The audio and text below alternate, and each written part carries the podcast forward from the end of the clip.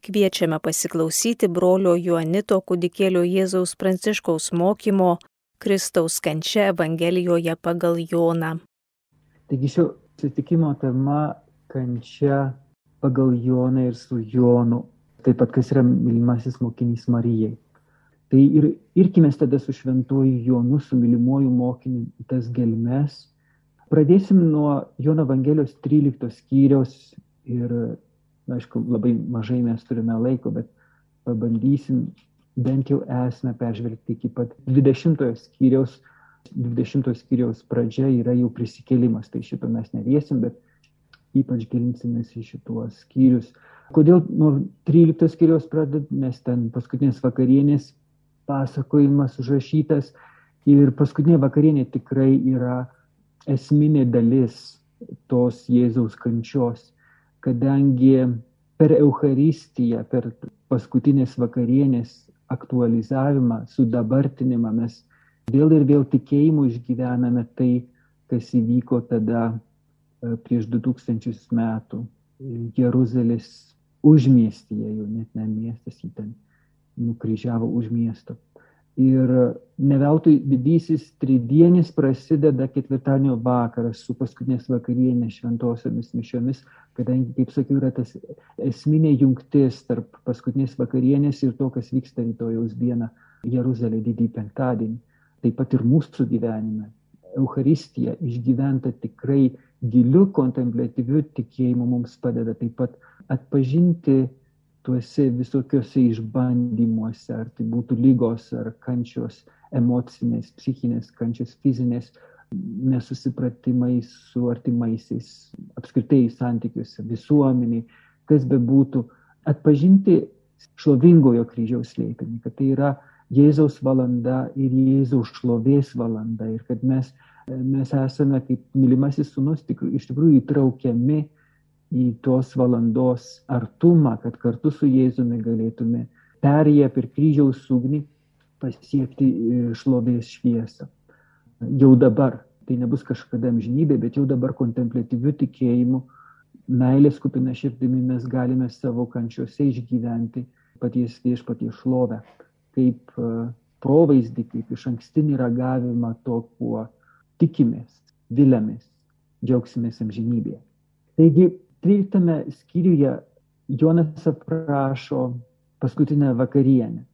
Ir iš karto krinta į akis esminis skirtumas su sinoptikų, kitų evangelistų pasakojimais. Nes kiti evangelistai pasako tai, kas jų akimis yra svarbiausia - konsekracijos formulė. Ne? Formaliai, kas yra Euharistija, tai yra tos senosios žydų Velykų vakarienės perkeitimas į krikščionišką jos prasme, kur dalyko vinėlis yra pats Jėzus, tikrasis Dievo vinėlis, kuris naikina pasaulio nuodėmę, nes jo kraujas apsaugo mus nuo, nuo naikintojo ir jo kūnas mus stiprina, mus pastiprina išeiti į dykumą, ją pereiti ir pasiekti pažado žemę, dvasinė prasme žinoma. Ir centras formaliai kalbant tos paskutinės vakarienės yra būtent duonos ir vyno perkeitimas į Jėzaus kūną ir kraują. Ir taip pat tos pirmosios šventosios mišios, kuris įvyko dar prieš Jėzaus kryžių, kurio sudabartinimas kiekvienos mišios yra, tai taip pat yra ir e, kunigystė šventimų. Per tą pačią paskutinę vakarienę gal ne visi susimastėm, bet yra iš tikrųjų du sakramentai įsteigiami Euharistija ir kunigystė. Euharistija, kai Jėzus laužo duoną, duoda savo mokiniams, jis sako, tai yra mano kūnas, dalina palaiminės vyno taurė ir sako, tai yra mano kraujas, naujoji sandora mano kraujyje. Ir tai darykite mano atminimui. Va šitie trys žodžiai, tai darykite mano keturi žodžiai lietuviškai, jie yra tiesioginė nuoroda į kunigystės sakramentų įsteigimą. Nes jeigu Jėzus patiki savo pašlams tai daryti mano atminimu, reiškia švesti, švesti Eucharistiją, jo vardu in persona Kristi, jo asmenyje. Ir, kaip sakiau, tai yra formalus šitų dviejų sakramentų įsteigimas, šitais keliais žodžiais nusakytas kitų sinoptikų. Jonas šitų žodžių visiškai nekartoja, šito epizodo visiškai nepasakoja, bet jisai pasakoja tai, ko nei vienas iš kitų evangelistų nepaminė. Ir būtent, kad per tą paskutinę vakarienę Jėzus nuplovė savo mokiniams kojas. Ką tai reiškia? Paprastai iš karto komentuojama, kad tai Jėzus padarė didžiulį nuolankumo kupiną darbą, nes plauti svečiams kosti buvo vergo darbas iš tikrųjų. Tiek žydų kultūroje, tiek romėnų kultūroje. Romėnai, kaip žinom, buvo okupavę šventąją žemę Jėzaus laikais. Tačiau jeigu mes pažvelgsime giliau, ką reiškia pats veiksmas, vėl ne tiek formalų aspektą, kad tai yra vergo darbas, bet tikslo šviesoje pažiūrėsim. Matysim, kad šventajame rašte, žydų mentalitete, nuplauti svečiui kojas reiškia jį priimti kaip svečią, priimti į savo palapinę, į savo artumą, į savo intimumą. Labai iškalbingas epizodas yra, kai Abraomas tokiu būdu pasitinka tris, kurį bažnyčios tradicijoje yra interpretuojama kaip trejybė, aplankanti Abraomą. Ir jis pirmiausiai prieš pasiūlydamas jiems vakarienę pasiūlo nusiplauti kojas. Ne pats Abromas plauna jiems kojas, Abromo vergas jiems nu, nuplauna kojas. Bet tai reiškia, kad Abromas kviečia į savo insuą lotiniškai, į savo artumą, į savo, į savo gyvenimą, į savo intimumą. Pakviečia ir įsileidžia tuos tris e, pasiuntinius, pačią trejybę. Ir nors Abromas nenuplovė jiems kojų, su Jėzumi matome, kad pats Dievas mazgoja kojas savo mokiniams. Tokiu būdu išreikšdamas, kad jis juos priima į, į savo intimų įgyvenimą, į savo dieviško gyvenimo gelmes. Ir būtent ten irgi toliau vyksta vakarienė.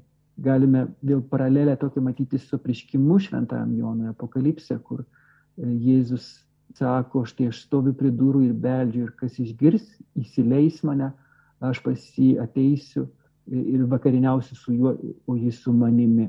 Taip ir per šitą paskutinę vakarienę, per kiekvienas mišes, per kiekvieną Euharistiją įvyksta tas pat. Jėzus beldžiasi mūsų širdį ir nuo mūsų priklauso mes jį įsileidžiame. Bet jeigu mes jį įsileidžiame, iš tikrųjų ne mes jį įsileidžiame, bet jis mus įsileidžia į savo širdį, į savo dieviškojo gyvenimo gelmes ir ten, ten mus maitina, ten mums patiekia vakarienę. Išminties vakarienė, išminties knygoje labai gražiai aprašoma, kaip išmintis padengė stalą ir paruošė vakarienė ir toji įsikūnijusi išminti, žinoma, yra mūsų viešpats Jėzus Kristus. Šitoje šviesoje, tarp kitko, labai įdomu e, būtų paskaityti visą Evangeliją pagal Joną. Ir tada pamatysim, kad iš tikrųjų Jonas aiškiai įvardyja, kad Jėzus yra toji išmintis aprašyta išminties knygoje, įsikūnijusi išmintis atėjusi į mūsų, į mūsų tarpą.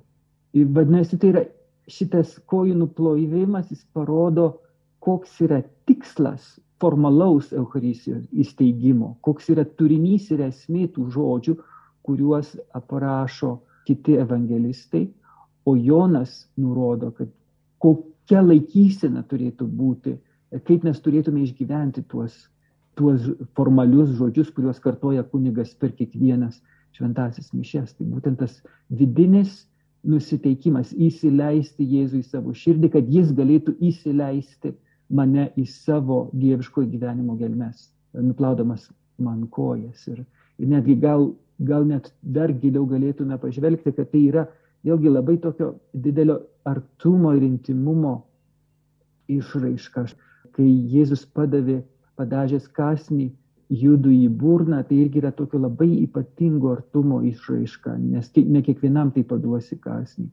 Ir tas kojų nuplovimas vėlgi yra kaip mamos, mamos rūpestis nuplauti vaikui kojas, nes Dievas yra ne tik tėvas, jis yra taip pat ir motina šventojo, šventojo pranašų Izaijo žodžiais tariant, jis yra ir tėvas, ir motina.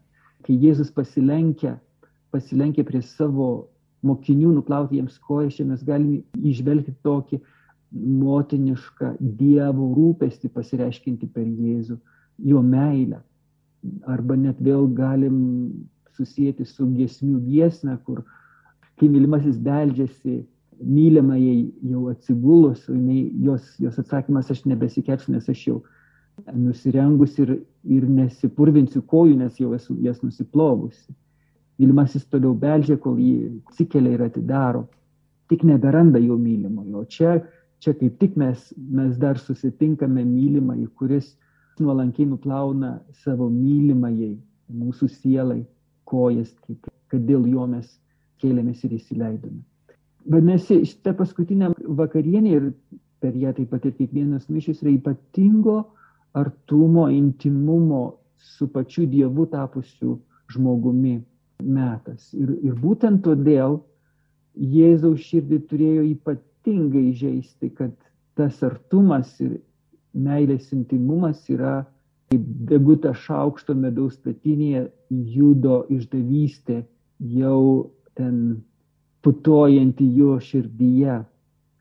Viena iš tokių svarbių būtų apmąstymų, tai tas susitikimas tarp Judo ir Jėzaus, jų akių susitikimas, jeigu Judas išdryso pažvelgti Jėzui akis tada, kai Jėzus plovė ir jam kojas. Judas turėjo suprasti, ką tai reiškia, be jokios abejonės. Ir būtent tada, kai Jėzus nuplovė jiems kojas, jis labai susijaudino ir tarė 21 eilutė, iš tiesų, iš tiesų sakau, jums vienas iš jūsų išduos mane. Ir mokinėjami žvalgytis į kitą spėliodami, kurį jis turi omenyje. Vienas mokinys, kurį Jėzus mylėjo, buvo prisiglaudęs prie Jėzaus krūtinės. Tas prisiglaudimas prie Jėzaus krūtinės tai labiau suprantamas, kai suprantame visą kultūrinę, socialinę situaciją. Tais laikais žmonės nestebėjo prie stalo ant kėdžių, bet gulėjo prie stalo. Ir tada tas vienas mokinys, Jonas žinoma, buvo atsirėmęs, prisiglaudęs prie Jėzaus krūtinės. Labiau suprantama, negu kaip Ališauskas sakė, kaip jis ten pasilenkęs kištą savo galvą prie Jėzaus krūtinės. Bet vis tiek, net jeigu, net jeigu ir šitaip suprantame, kokiu būdu Jėzus ten buvo prisiglaudęs prie Jėzus krūtinės, tai vis tiek yra labai didelio artumo ženklas, didelio intimumo, familiarumo, į kurį mylimasis mokinys buvo įsileistas, tarp kitko, kitų mokinių akivaizdoje.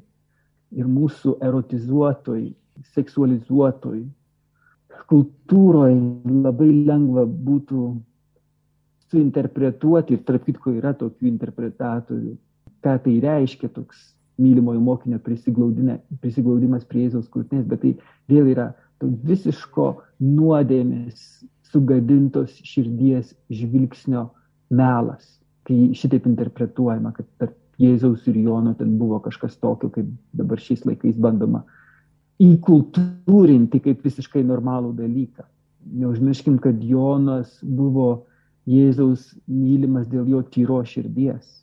Ir kad pats Jėzus be jokios abejonės, būdamas Dievas tapę žmogumi, irgi buvo tokios tyros širdies, kad mes net įsivaizduoti negalime.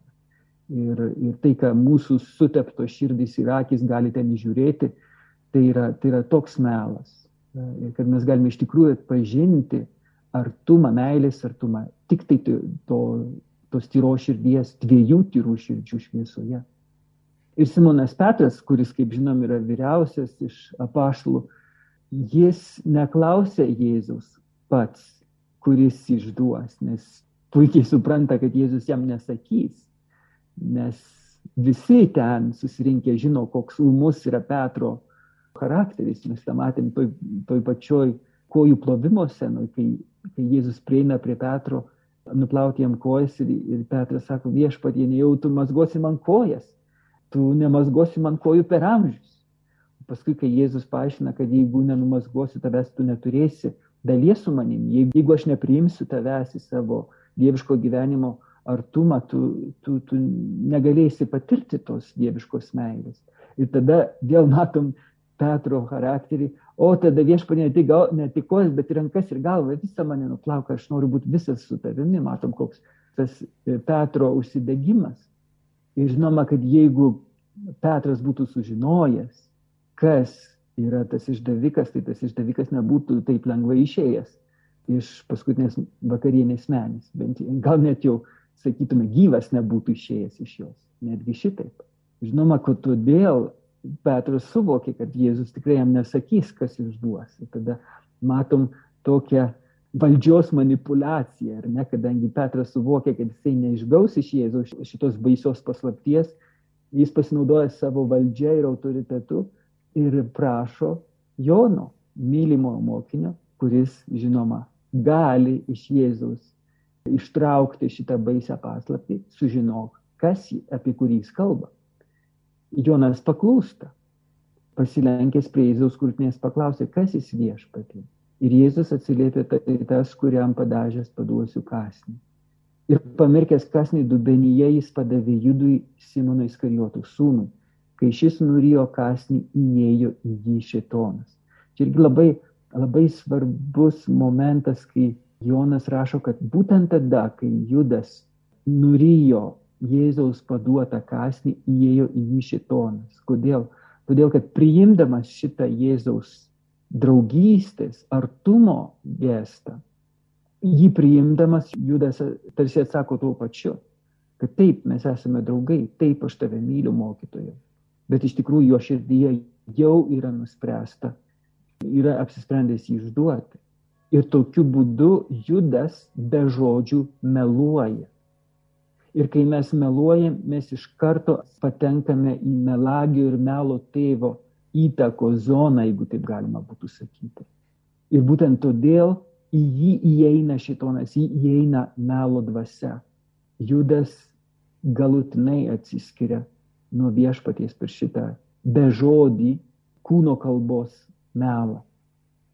Ir Jėzus jam sako, kad darai daryk greičiau.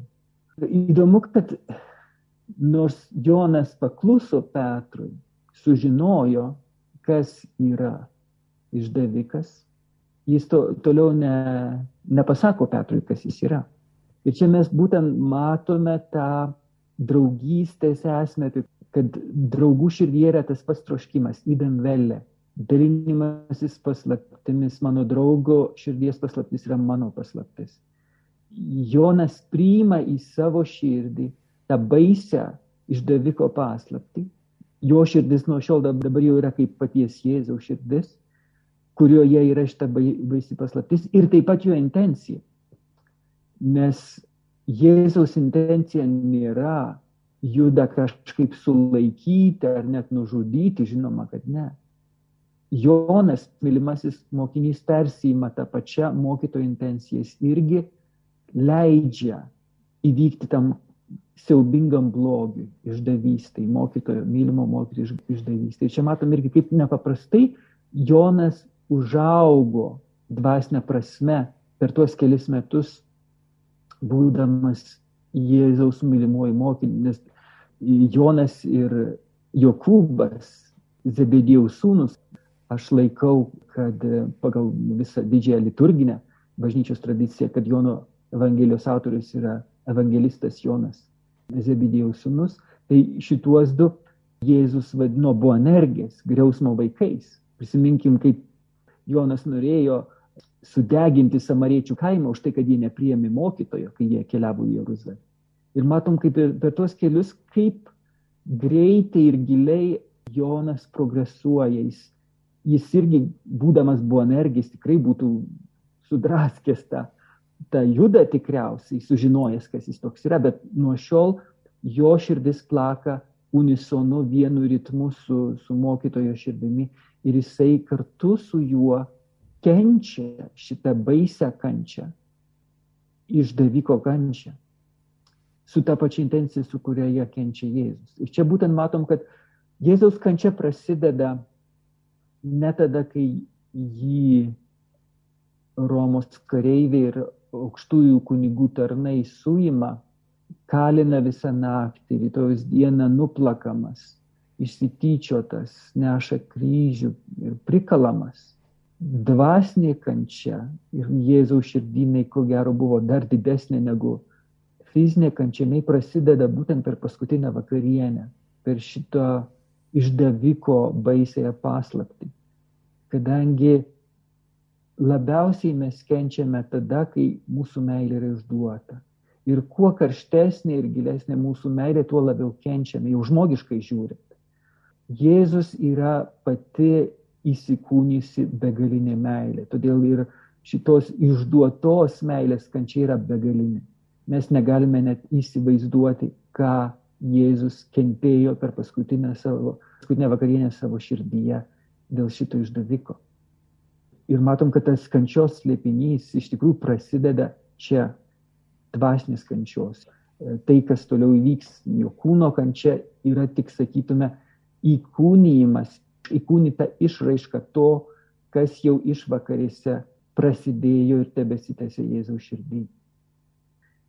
Ir kai Judas išeina išduoti, Jėzus pagaliau gali atvirai intimiai kalbėti savo mokiniams tas esmines meilės paslaptis, kuriuos jis yra gavęs iš tėvų ir kuriuos jis atėjęs perteikti, perduoti mums.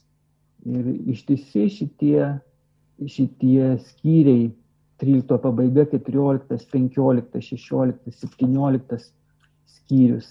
Visi šitie skyriai yra ištisinis Jėzaus testamentas, meilės testamentas, apie kurį, kaip minėjau, sinoptikai neįsivaizduojamai, neįsivaizduojamai keista, nei žodžio nepasako. O Jonas, išsaugojęs visus tuos Jėzaus žodžius, tą testamentą ištisus dešimtmečius, jis juos užrašė savo Evangelijui. Vėlgi, tų visų kalbų esmė, mes neturim laiko, žinoma, išsamei į kiekvieną pažvelgti, Bet jau galime pasižiūrėti, yra keletas svarbių temų, bet esminė tema be jokios abejonės yra meilė, apie ką Jonas dar toliau kalbės savo pirmajame laiške. Išsameu toliau kalbės. Iš tikrųjų, jis pirmiausia prašė apreiškimą užrašė Patmo saloje, tada parašė laiškus ir jau paskutinis raštas buvo, buvo šitą Evangeliją. Kaip sakiau, esmė yra me, meilė ir šis branduolys visų šitų Jėzaus kalbų, šito jo dvasinio testamento mokiniams ir visai bažnyčiai, nes bažnyčiai yra mokiniai, mes esame mokiniai, yra naujasis įsakymas. Aš jums duodu naują įsakymą, kad jūs vienas kitą mylėtumėte. Nebe taip, kaip buvo įsakyta sename testamente, mylėsi artimą kaip save patį, bet kaip aš jūs mylėjau, kad ir jūs vienas kitą taip mylėtumėte. Štai naujasis įsakymas, štai naujas kriterijus, kokia yra tikroji meilė. E, tikroji meilė nėra mano meilė savo pačiam. Tikroji meilė yra Jėzaus meilė man. Taip kaip aš save myliu, dar yra toli gražu nepakankama tikroji me, meilė ir vertė, mano paties vertė tada atsiskleidžia būtent Jėzaus meilėje man. Ir Jėzaus meilė man turi būti mano meilės broliams ir seserims matas. Tada ir tik tada aš būsiu jo mokinys, jo mylimasis mokinys, nes tada ir tik tada aš gyvensiu esme to, kas įvyko per paskutinę vakarienę ir pilnutinai išsipildė, regimo būdu išsipildė ant kryžiaus.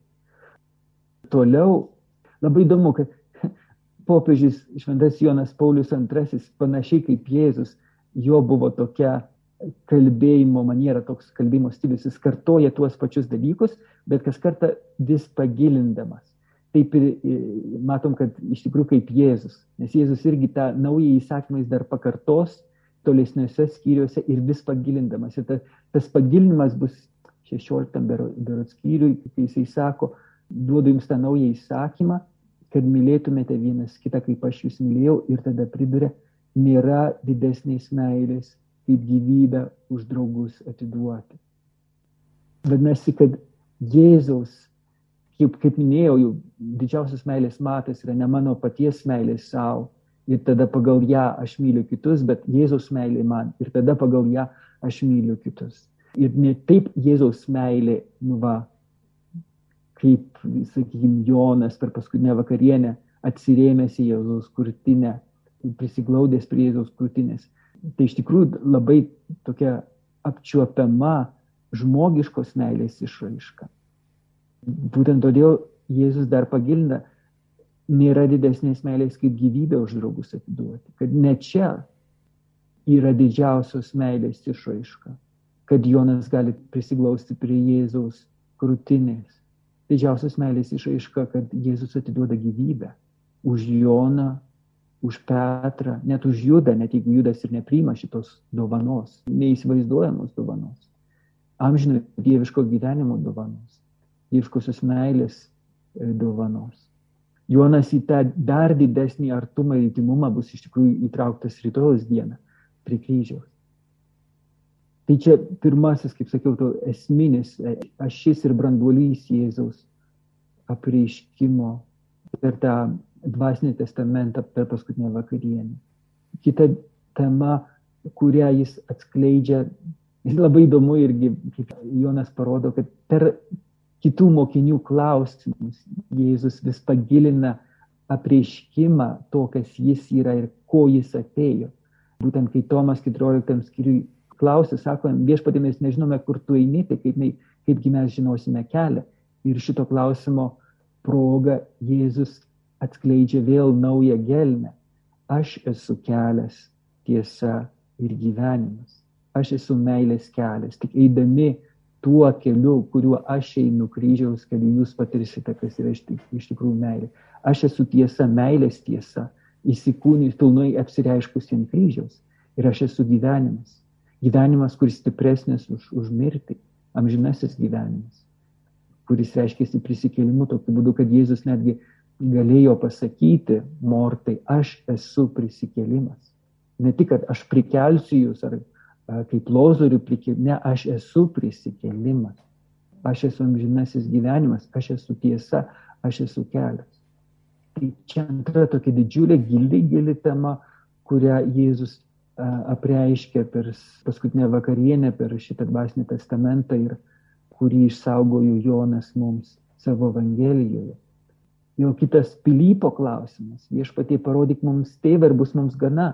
Ir Jėzaus atsakymas, vėl gilus apreiškimas. Pilypai, jau tiek laiko su jumis ir tu vis manęs dar nepažįsti.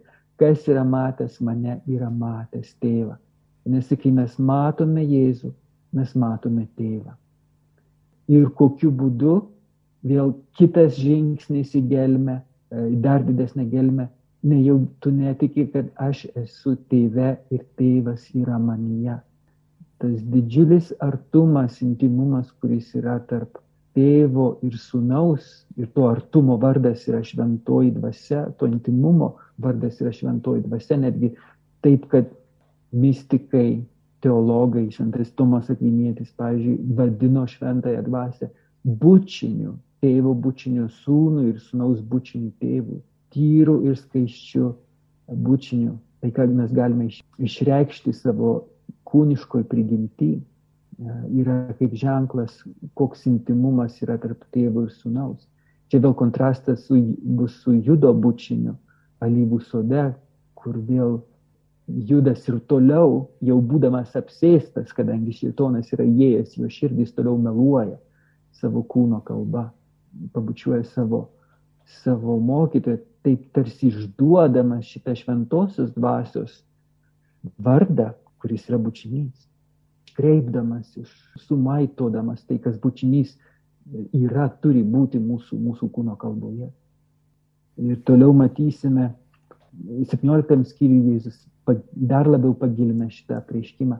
Aš dar grįšiu prie to 17 skyrius 21 eilutės, kur yra tikrai kaip, kaip didžiulė, didžiulė Jėzaus apreiškimo ašis, koks yra santykis tarp mūsų su, su juo tai prie to aš tuoj sugrįšiu. E, trečia didžiulė e, svarbi tema tai būtent globėjo, paraklitos pažadas, šventosios dvasios, tiesos dvasios, kurios pasaulis neįstengia priimti, nes jos nemato ir nepažįsta.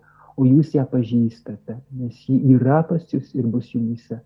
Tiesos dvasia, meilės tiesos dvasia. Ir šitą paraklėto godėjo, gynėjo apreiškimą Jėzus vėlgi toliau pagilina tolimesniuose skyriuose, kai jis sako 16 skyriui, jums geriau, kad aš iškeliauju, nes jei aš neiškeliausiu pas jūs neteis globėjas, paraklėtos. Nukeliavęs aš jį jums atsiųsiu. Kodėl yra geriau? Todėl, kad per paraklėtą, per šventąją dvasę Jėzus nuo šiol galės ne tik būti su mumis kaip vienas iš mūsų, kaip žmogus, ar ne kartu dalintis tą avinėlio paschą, vakarienę, dalintis savo širdies paslaptimis, su, nors baisiomis paslaptimis, ar ne išdaviko paslaptis, su, su mylimuoju mokiniu. Ne, nuo šiol jis pats gyvens. Ir ne, ne, ne jis vienas, bet ir tėvas. Mes pas jį ateisime ir apsigyvensime. Aš ir tėvas. Šventosios dvasios galia ateisime ir apsigyvensime. Tavo širdį mes būsim su tavimi nuolat. E, iki pasaulio, iki laikų pabaigos. Tiek, kiek tu leisi mums būti tavyje. Nes žinoma, kiekvieną kartą, kai mes nusidedam, o nuodėmė yra ne kas kita kaip atsisakymas mylėti, tai žinoma, mes atsisakome Dievo gyvenimo mumise, nes Dievo gyvenimas yra meilė. Ir kaip, kaip, kaip sakiau, nuodėmė yra atsisakymas mylėti. Jeigu atsisakau mylėti, aš atsisakau Dievo gyvenimo manyje, aš atsisakau Dievo. Tada, žinoma, jis negali pasilikti manyje. Bet tiek, kiek aš sutinku mylėti, tiek aš sutinku leisti Dievui, visai trejybei gyventi manyje, tėvui ir sūnui, būtent šventosios dvasios gale. Todėl jums yra geriau, kad aš iškeliauju, nes nuo šiol, kai ateis paraklėtas, aš galėsiu kartu su tėvu gyventi tavo širdie daug intimiau, daug giliau, negu, negu mes gyvenome kartu tuos trejus metus, kai, kai mes kartu keliavome po, po visą šventąją žemę ir aš mokiau, mokiau jūs dalykų, kuriuos esu girdėjęs iš tėvo. Kita nuostabi tema, kuri tik pagilina anksčiau minėtas, yra 15 skyrius man asmeniškai gražiausias iš tikrųjų tos Evangelijos skyrius, tai yra vynmedžių ir šakelių palyginimas. Aš esu tikrasis vynmedis, mano tėvas vynininkas, jūs esate šakelės. Kiekvieną vaisingą šakelę apvalo apipjausto, o neduodančio vaisiaus išpjauna. Vaisinga šakelė apipjausto, kad jį duotų dar daugiau vaisių. Ir matom, kad kančia, jinai, jinai pati savaime mūsų negelbsti būti išpjautam iš vynmedžio kaip nevaisinga šankelė, tai irgi patirti kančią. E, bet tokią kančią, kuri, um, kuri kupina maišto, nevilties, neapykantos. Žinoma, kad tokia kančia absoliučiai negelbsti, bet kančia, kuri yra iš meilės, kai esi apipjaustomas tėvo vynininko peilio, e, jinai duoda dar daugiau vaisių, būtent meilės vaisių kai kančia tampa Jėzaus pavyzdžių meilės išraiška. Mūsų nuodėmės suniokotoj prigimti kančia reiškia blogį. Tačiau čia irgi yra didysis Jėzaus stebuklas. Išdryščiau palyginti su tuo eucharistiniu stebuklu, kai duona ir vynas yra perkeičiami į Jėzaus kūną ir kraują, taip ir mūsų šita nevilties, neapykantos kupina kančia, jinai perkeičiama Jėzaus į, į meilės išraišką. Jis nepašalina kančios, bet suteikia jai naują prasme, kad mes nepabėgdami nuo kančios, nes neįmanoma nuo jos pabėgti, bet užuot būdami jos visiškai sugriauti, suniokonti, sužaloti, sunaikinti, mes kaip tik per, per tą kančią galėtume e, būti išgryninti iš mūsų meilė galėtų būti išgilinta e, ir tokiu būdu mes galėtume dar giliau įeiti į tą artumą, į kurį Dievas kviečia šituo kojų nuplovimo gestu, kad galėtume mešti, me, mešti vaisių. Ir koks yra tas vaisius, kurio tėvas laukia, tai yra meilė. Tai yra meilė ir, ir būtent todėl Jėzus sako, be manęs jūs nieko negalite padaryti. Ir mes sakytume, tai nesąmonė, mes tiek visko galime padaryti be Dievo ir pažiūrėkime mūsų laikų pasaulį ir ne tik mūsų laikų pasaulį. visais amžiais žmonės darė nuostabių dalykų, visiškai be jokio santykio su Dievu. Aišku, ne visi tokie buvo, ačiū Dievui. Tačiau šviesa šitiems Jėzaus žodžiams suprasti yra pirmo laiško korintiečiams 13 skyriuje. Čia viena, tas bažnyčios tėvų metodas - aiškinti raštą pačiu raštu. Ten Paulius mums atskleidžia, kad aš galėčiau kalbėti žmonių ir angelų kalbomis, pranašystės dovaną turėti, turėčiau ir pažinčiau visą paslaptis ir visą mokslą, išdalinčiau visą turtą vargšams, atiduočiau savo kūną sudeginti, reiškia, mirčiau baisiausią kankinio mirtimi, jeigu aš neturėčiau meilės, aš būčiau niekas. Štai ką reiškia, kai Jėzus sako, be manęs jūs nieko negalite padaryti. Ką mes darytume, jeigu tai yra be meilės, Dievo akise tai yra niekas. Tai yra niekas. Tiek dvasiniai, tiek emociniai, tiek menas, technika, ką, ką mes bedarytume, jeigu tai yra be meilės, kuri yra Jėzus, be manęs jūs nieko negalite padaryti, Dievo akise tai yra niekas. Bet su Jėzumi, Jėzuje, per Jėzų, net menkiausias dalykėlis, kaip šventoji kūdikėlio Jėzus teresėlė, nepakelia siūlo galą iš meilės. Ir šitas siūlo pakelimas iš meilės, jis turi amžiną vertę. Dievo akise šitas meilės veiksmas yra daug nepalyginti didesnis, nes jis yra amžinas, negu, nu nežinau, kokį čia paimsim pavyzdį, kokio dangoraižio pastatymus. SpaceX raketos paleidimas į Marsą. Tai yra niekas Dievo akise, jeigu tai nėra iš meilės. O toks visiškai niekieno nepastebėtas veiksmas, jis yra, jis yra kupinas meilės, nes jis padarytas su Jėzumi ir Jėzuje, kaip jo vynmedžio šakelis, kuri neša tėvo laukiamo vaisiaus, meilės vaisiaus. Toliau, čia, čia vėl, kaip sakiau, penkioliktam skyriui tam pačiam Jėzus pagilina tą naująjį įsakymą, kad vienas kitą mylėtumėte, kaip aš jūs mylėjau, nėra didesnės meilės, kaip gyvybę už draugus atiduoti. Jūs būsite mano draugai, jei darysite, ką jums įsakau jau nebevadinu jūsų tarnais, nes tarnas nežino, ką veikia jo šeimininkas. Jūs aš draugais vadinu, nes jums viską paskelbiau, ką buvau iš savo tėvo girdėjęs.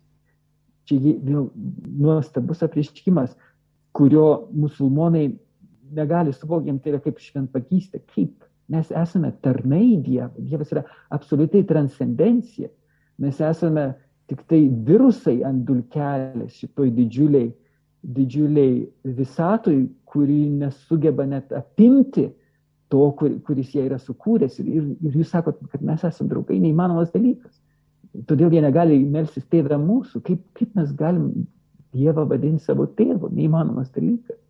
O Jėzus sako, jūs aš draugais vadinu. Ir dovanoja šitą maldą tėvę mūsų.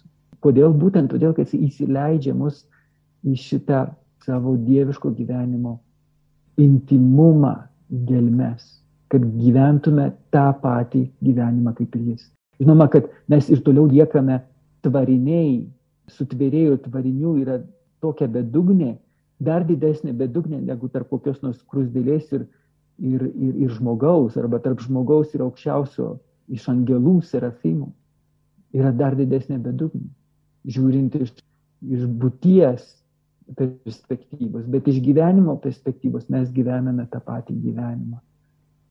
Girdėjome brolio Juanito kudikėlio Jėzaus Pranciškaus mokymą Kristaus kančia Evangelijoje pagal Joną.